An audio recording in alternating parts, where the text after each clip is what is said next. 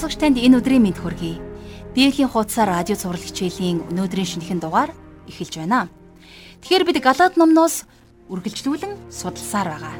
Өнөөдрийн дугаараар Галаад номын 3 дугаар бүлгээс хамтдаа уншиж судлах болно. Энэ удаад Паул хүн хэрхэн итгэлээрээ зөвтгөгдөг тухай дэлгэрэнгүүлэн жишээ баримт тоочин тайлбарлаж хэлэх болно. Хуучин гэрээний үед ч гэсэн бурхан хүнийг хуулийн үгсээр биш харин өөрт нь итгэснийхэн төлөө зөвтгөн цагаатгадаг тухай Авраамийн жишээг бид санаж болно. Мөнхийн амийг хүлээн авч гим нүглээ цагаатгахын тулд итгэхээс өөр юу ч хийх хэрэггүй гэдгийг сайн мэдээ онцолж байна. Бусад шашинд хууль, дэг жаяг ямар нэгэн зан заншлыг сахин мөрдөж, буян сайн хураах юм бол аврагд холно гэж заадаг. Гэлээж авралт хүрэхгүй гэдгийг та бид мэднэ. Харин авралт хүргэх цорын ганц арга зам бол Есүс Христийг аврагчаа болгон итгэн хүлээн авах юм. Энэ дэлхийд эд баялаг нэр алдрыг олох гэсэн боловч эцэст нь эзэнтэй биш эрлэгтэй олзвол ямар харамсалтай байх вэ? Бидний энэ хорвоо дээр амьдрах өдрө хоногуд хугацаатай. Энэ дэлхийн хүмүүний насыг харуул ээжээсээ төрүүлээд охин нь аваасаа төрүүлээд хүүн явчихдаг тохиолдол байна.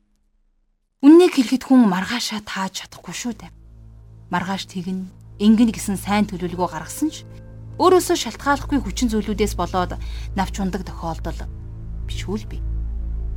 Тэгэхээр энэ дэлхий дээр наслахаа мэддэг хүн нэг ч байхгүй. Тийм учраас энэ дэлхийгээс явхаасаа өмнө хүн болгон зөв итгэл үнэмшлийг сонгох учиртай. Та төрхөн зүрийн цаг хугацаанд багтаж оч болон замхармаар байна уу? Эсвэл үрд мөнхийн цаг хугацаанд оршиж од болон гимээр байна уу? Энэ бол таны сонголт.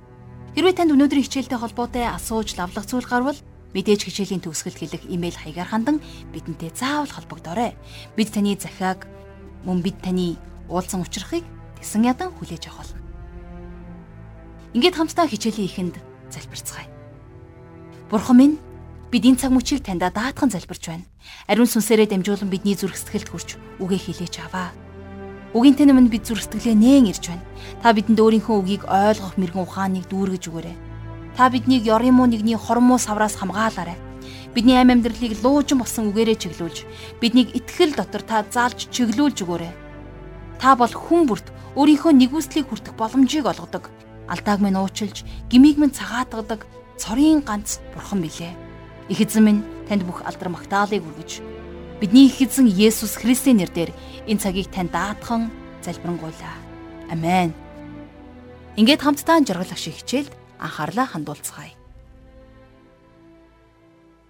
За бид хамтдаа Галат номноос итгэлийн амьдралын ноён нуруу болсон олон чухал зүйлийг ухан судалсаар байна.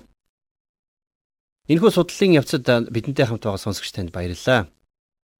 Тэгэхээр Паул хүн итгэлээр аврагддаг тухай Авраамаар жишээ авсан байна. Дараагийн бүлэг дээр Хагаар Сара хоёрын тухай яриа гарна. За бид нар энэ номын амин чухал хэсэг дээр яг одоо ирээд байна гэж ойлгож болно. Ингээд хамтдаа өнөөдрийнхөө хичээлийг эхлүүлээд за Галаат номынхон 3 дугаар бүлгийн 6 дугаар ишлэлийг уншийе. Яг үнчлэн бурханд Авраам итгэсэн бөгөөд үүгээр нь түүнийг зөв тооцсон юмаа гэж Паул бичсэн байна.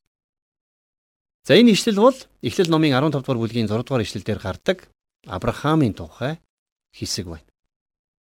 За энэ дэр юу гэж хэлдэг вэ гэхээр тэгээд Авраам эзэнд итгэсэнд эзэн үүгээр нь түүнийг зөв тооцвоо гэж бичсэн байна.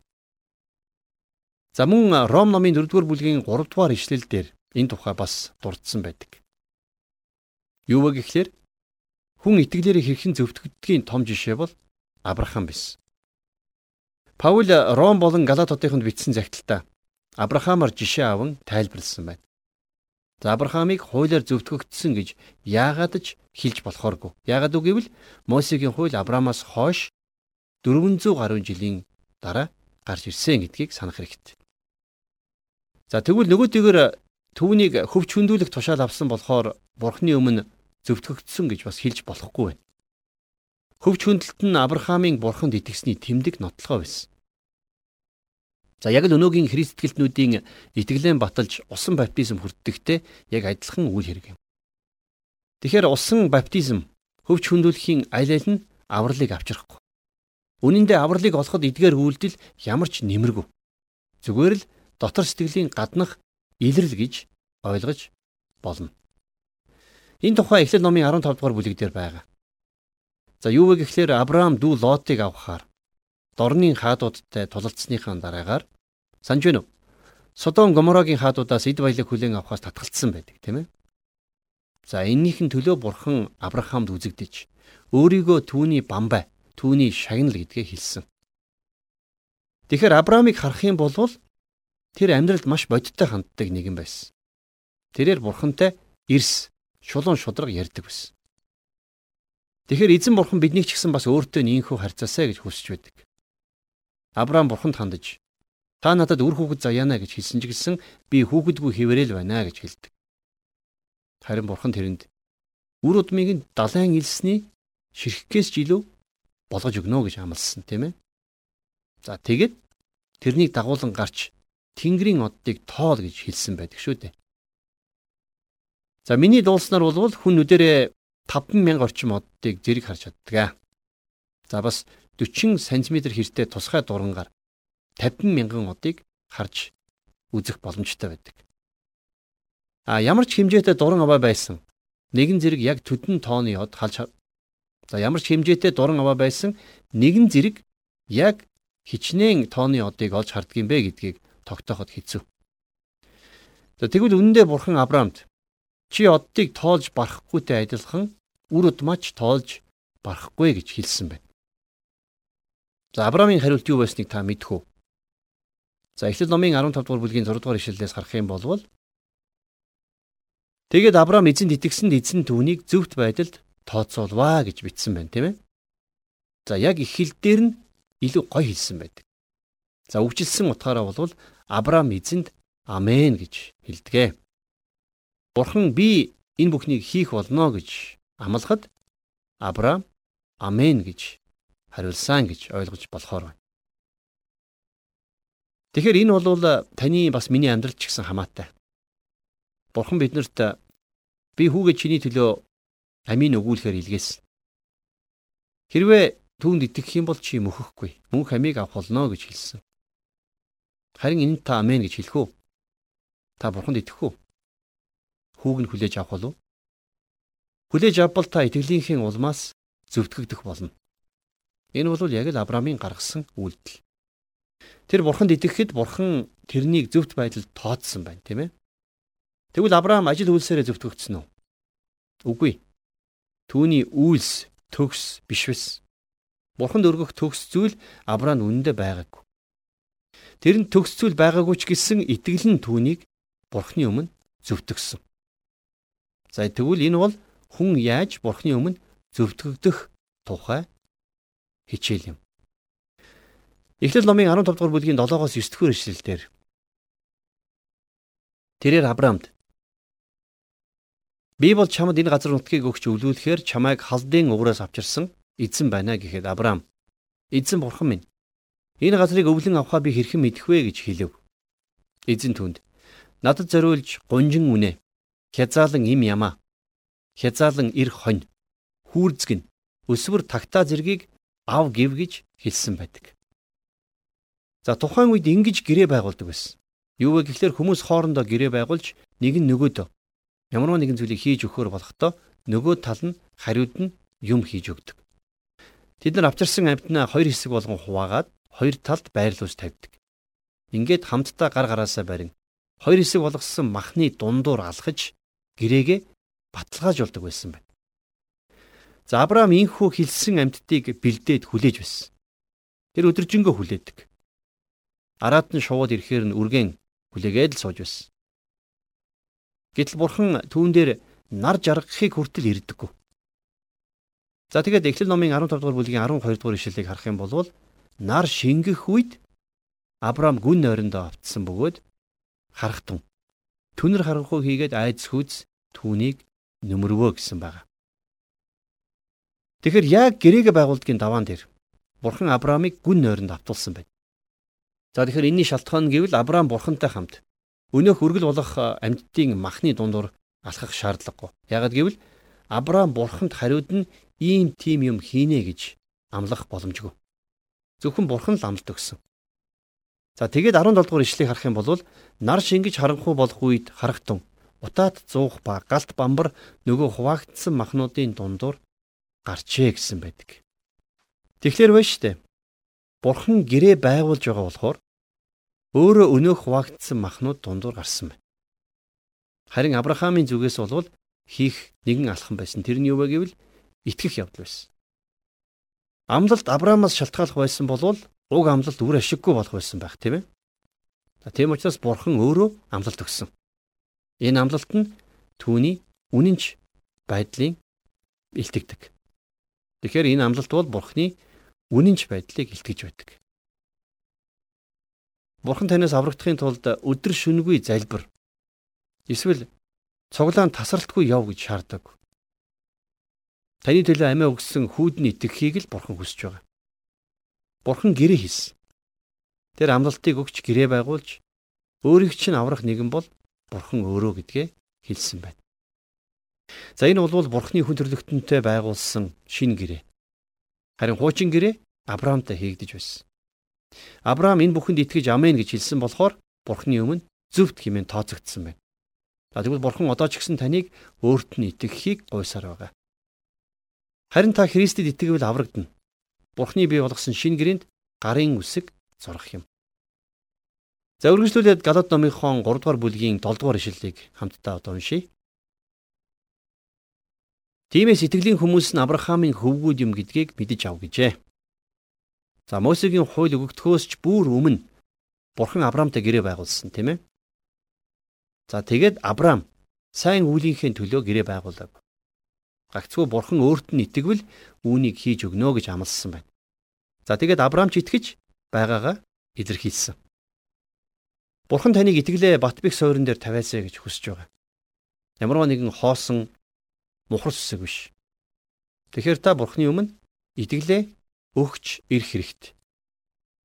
Тэр таны зөргсдглийн хаалган дээр ичгээ тогсож байгаа. Бурхан мэдээж хаалга эвдэн орж ирэхгүй учраас тэр тэндэл таныг хаалга нээхийг хүлээж байна. Тийм учраас Есүс Илчилт номын 3 дугаар бүлгийн 20 дугаар ишлэлээр ингэж хэлсэн байдаг. Харах тун. Би үүдэн дээр зогсоод тогшиж байна. Хэрв хэн нэгэн нь миний дууг сонсоод хаалга нээвэл би түүний дотор орж түүнтэй хамт тэр надтай хамт хооллоно гэж. Тэгэхээр та итгэлээр хаалга нээгээрэй. Авраам итгэлээр аврагдсныхан адилаар та Бурхны хүү Есүс Христийг аврагчаа гэж итгэхэд л та зөвд тооцогдох авралыг хүлээж авах болно. За 8 дугаар ишлэгийг хамтдаа уншийе. Бурхан харийнхныг итгэлээр зөвтгөгднө гэдгийг бичвэр урдаас мэдээд бүх харийнхан чамаар өрөөгдөх болно гэж Авраамд сайн мэдээг урдчлан тунхаглажээ гэсэн байна. Ямарваа нэгэн нэмэлт ажилгүйгээр итгэл Авраамд хангалттай байсан болвол өөр зүйлийг бид нар яагаад заавал хийх ёстой гэж. Авраамийн хүртсэн ивэл ажил үйлсийнх нь улмаас биш. Харин итгэсэнд нь л гол учир нь байсан. Тэгвэл бид нар итгэлээс хуулийн үйлс рүү явах ёстой гэж юу? Мэдээж хуулийн үйлсийг болвол хүн мөрдөх боломжгүй. Харин итгэлийн үйлс бол Бурхны хүн болгонд өгсөн хамгийн том нэгүсэл. За Паул одоо Эхлэл номын 22 дугаар бүлэг дээр хүл явдлыг энд дурдах гэж байна. За энэ бол Авраам өөрийнхөө Исаака шатаалд тахил болгон өргөсний дараа болсон үйл явдал байдаг.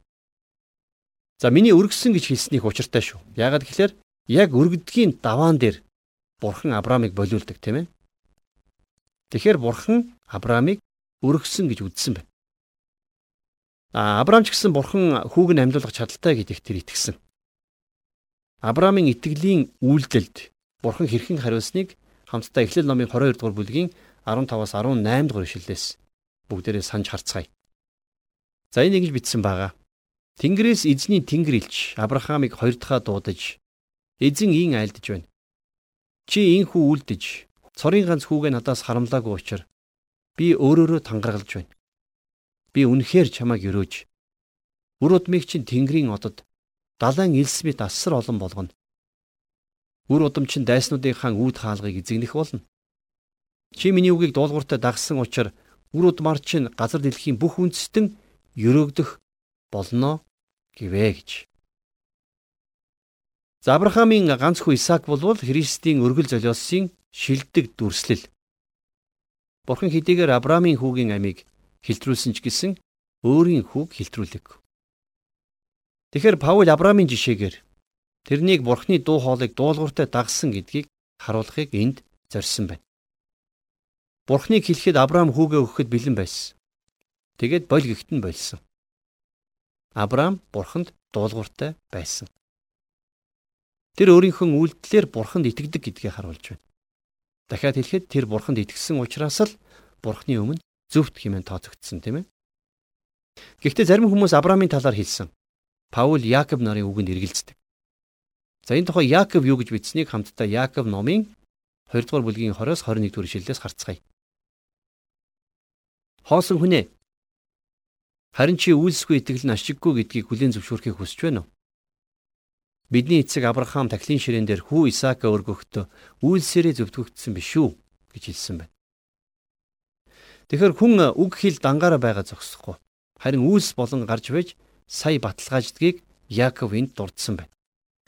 За үргэлжлүүлээд Яаковын саяын уншсан 2 дугаар бүлгийнхээ 22 дугаар ишлэгийг харах юм бол итгэл нь түүний үйлстэй хамт ажиллаж байсныг итгэл нь үйлсээр гүйцэд болсныг чи харж байна гэж Яаков өөрийнхөө санааг дуусгасан байна. Гэхдээ энд хуулийн үйлсийг яриаггүй гэдгийг ойлгох хэрэгтэй. Итгэлийн үйлсийг л ярьсан байгаа. Ягд үгүйвэл итгэлээс үйлс төрнө. Тэгэхээр Авраамийн үйлдэлээс итгэл нь үйлс рүү хөдөлдөг гэдгийг ойлгох нь чухал. Бурхан та бидний зүрх сэтгэлийг харддаг. Биднийг Христ аврагч гэдэгт итгэдэг эсхийг Бурхан мэднэ.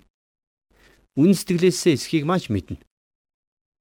Тэгэд Есүс Христийг чин үннээр аврагчаа болгон хүлээн авахд амьд хүчтэй итгэл үйлсийг төрүүлж байдаг.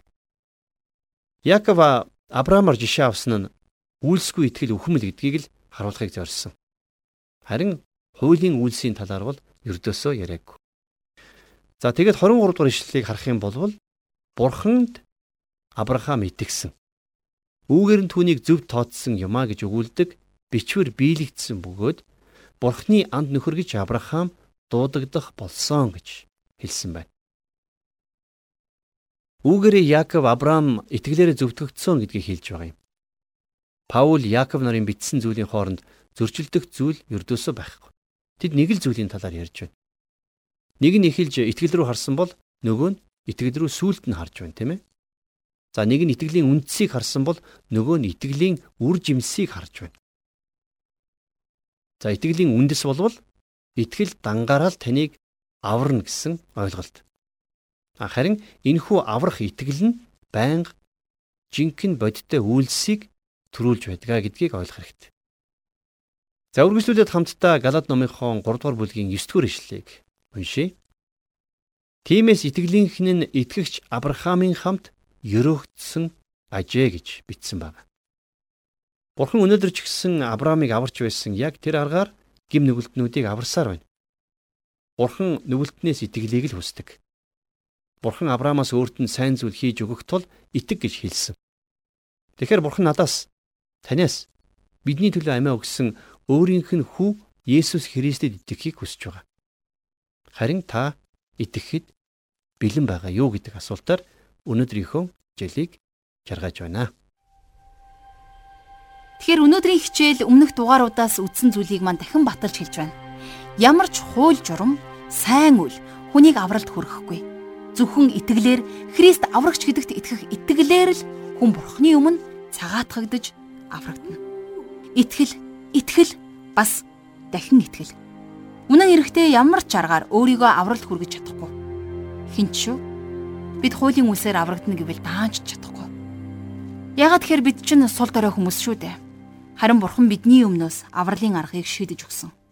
Бидэнд зориулсан төгс арга болох зөвхөн түүнд итгэснээр аврагдах энэхүү арга замын төлөө талархахаас өөр арга байхгүй. Бурханы хүн төрлөختөнд зориулсан авралын энэ зам төгс бөгөөд энгийн. Христ миний бас таны төлөө амиа өгсөн гэдэгт итгэх хэрэгтэй. Ингиж итгэвэл та маргаашаа таач чадна. Ягаад тэгэхээр та энэ дэлхийгээс маргааш явсан ч гэсэн Бурхны амлсанчлан та Бурхантай хамт байх болно. Харин та үүнд итгэдэг үү? Таны төлөө хүүгээ илгээсэн гэдэгт итгэж байгаа юу? Авралыг олж авахд таны итгэл хангалттай. Өөр юу ч хэрэггүй. Энэ хүрээд өнөөдрийн хичээлээ өндөрлөе. Бид хамтдаа Галаат намын 3 дугаар бүлгийнхээ 5-аас 9 дугаар ишлэлийг хамтдаа уншиж судалсан байгаа. Ингээд хичээлийн төгсгөлд хамтдаа залбирцгаая. Эзэн бурхан минь, та өөрийн хүүгээ бидний төлөө илгээсэн. Таны хүү Есүс миний өмнөөс нас барж дахин амьсанд би итгэж байна. Миний өнгөрсөн амьдралдаа үйлдэж хутгалдсан бүх гим нүглийг зөвхөн Есүсийн улмаас цагаатгаж намайг цэвэрт тооцсон эзэн бурхан минь тандаа талархан залбирч байна. Та бол магтагдах зохистой цорын ганц бурхан. Таны нэр хүн бүрийн чихэнд хүрч хүн бүр танд итгэлээ өгч найдалгаа тавих болтугай. Аврагч Христ Есүсээр дамжуулан мөн хамийг бидэнд бэлдсэн учраас таньдаа талархъя. Бүх алдар хүндэтгэлийг эзэн таньдаа өргөж таны хайртай хүү бидний итгэлийн зохиогч Есүс Христийн нэрээр залбирanгуйж байна. Амен.